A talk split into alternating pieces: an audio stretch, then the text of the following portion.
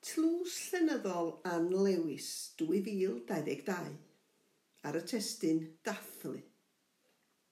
Cyntaf, Morgan, Seflis Rowlands, Cangen Bodwrog, Rhanbarth Môn.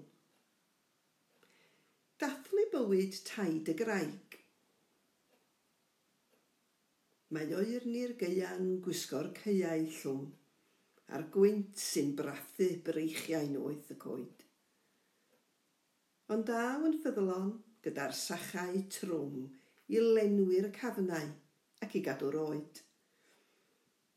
Yn sydyn, daw'r ddiadell at y bwrdd, pob un yn hawlio'i le, yn deulu clyd, y fam a'r tad a'r gwyn a'r di yn cwrdd, a'i bref ddiolchgar drin dawelwch myd. Un cip cyn troi yn wirgam dros y bryn na chario i bedwar degawd ar ei hynt. Mor llesg ei wedd a'i osgo erbyn hyn. Mor araf ei gerddediad yn y gwynt. Ond eris grym ei gariad at ei waith heb wiro ar hyd llwybrau serth y daith.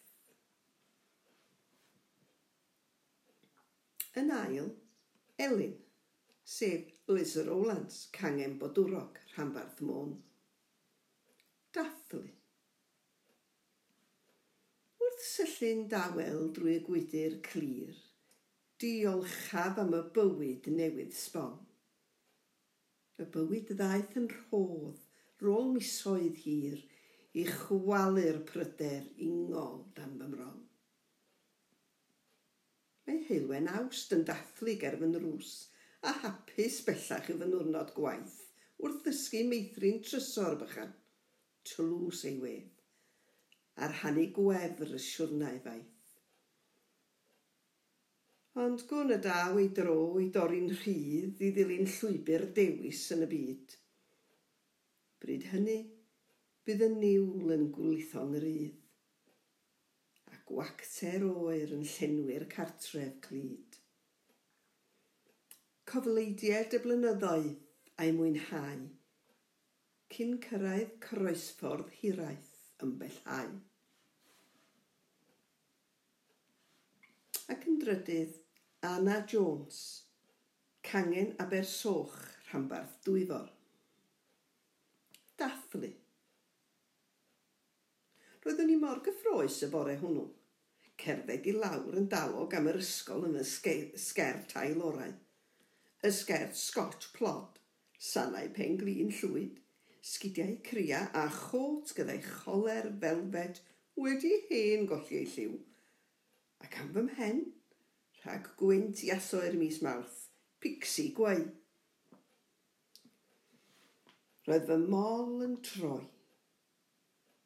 Wedi cynhyrfu'r oeddwn ni am ei bod yn ddiwrnod concert, diwrnod dathlu dydd Dewi Sant mwmiais eiriau y darn adrodd gyda phob cam. Tadoedd wedi dewis y darn i mi. Bob gyda'r nos byddwn yn sefyll anghefn yn erbyn y cwpwrdd gwydr yn efel chi geiriau tada a cynta neu gadar fawr yn plygu mlaen gan sibrwd y geiriau yr un pryd. Ysgam na ddynar rwan a codad y lais yn uwch at y diwad. Paid a gorffan yn ffwr bwt, gorffan yn bendant a chadarn. Roedd y geiriau yn chwrlio trwy'm hen ar hyd y ffordd i'r ysgol y bore hwnnw. A dyna fora, parti canu, parti dawnsio, An fy ffrind gorau yn canu unawd y deryn pyr. Bert ac An yn canu deuawd a finna'n adrodd. Roeddwn ni'n gynnes braf tu mewn ar ôl gorffen. Yn falch mod i wedi cofio'r geiriau. Byddai tada mor falch ac yn gwenyn slau. Trwy'r pnawn, ar ôl cael stori am Dewi Sant gan Miss Thomas, bu am yn lliwio dreigiau a daffodils, cennin a Chymru, ac yn cael ein glynu ar y wal yn y rŵm fawr. Byddai pob un yn gwisgo bathodyn ar fawrth y cyntaf yn ysgol fawr, bathodyn ei di. A dyna ddiwrnod i'w gofio, steddfod yr ysgol. Pawb yn sgrechian a gweiddi cymeredwyaeth i'w di doedd dim sôn am ddewi sant. Na non, na glyn rhosyn. Ond yn anymwybodol, roedd hwn yn dathlu fy Nghymreictod gyda phob bloedd. Yng Nghymwyd y de, roedd mawrth y cyntaf yn ddiwrnod arbennig iawn.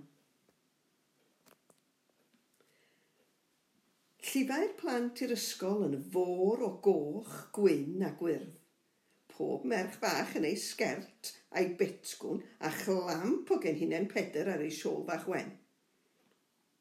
Roedd pob Kelvin a Liam a Darren yn ei glos penglin a'i grafat coch a'i gab stabal a pob un yn cario clamp o genhinen drewllyd.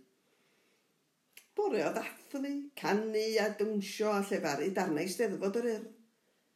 Ac yna, gwyliau am y pnawn i ddathlu. ci einiau cleirwyn ar y fyrddau hrion yn neuad y pentre ac arogl cawl yn llenwi'r ffroenau. Mae merched y wawr yn gwibio yn ôl amlaen yn gweini dysglau chwil boeth o gawl a fflateidiau trwm lwythog o brif. Mae pob un o'r merched yn gwisgo i dillad gorau, gyda chen hunain fach sydd deut ar ochr chwyth yr ysgwydd cynhynyn cogio fach wedi ffrynu godi arian i elusen.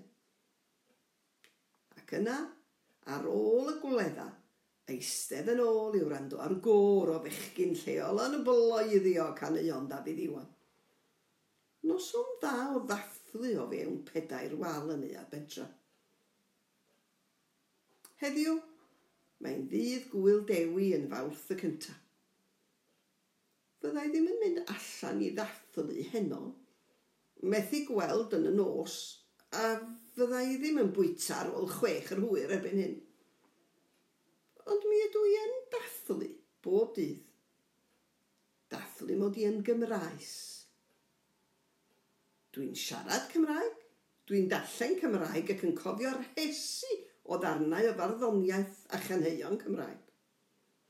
Dwi'n gwrando a gwylio rhaglenni Cymraeg, yn llenwi pob ffurflen yn fy iaith yn mynnu cael siaradwr Cymraeg ar y ffôn. Dwi'n dathlu wrth gofio i mi sefyll i brotestio yn Rhywerin, o flaen y carchar yn Abertawe, ac i mi beintio dros arwyddion uniaeth Saesnig. Dwi'n cyfarch yn Gymraeg. Dwi'n dathlu mod i yn Gymraes.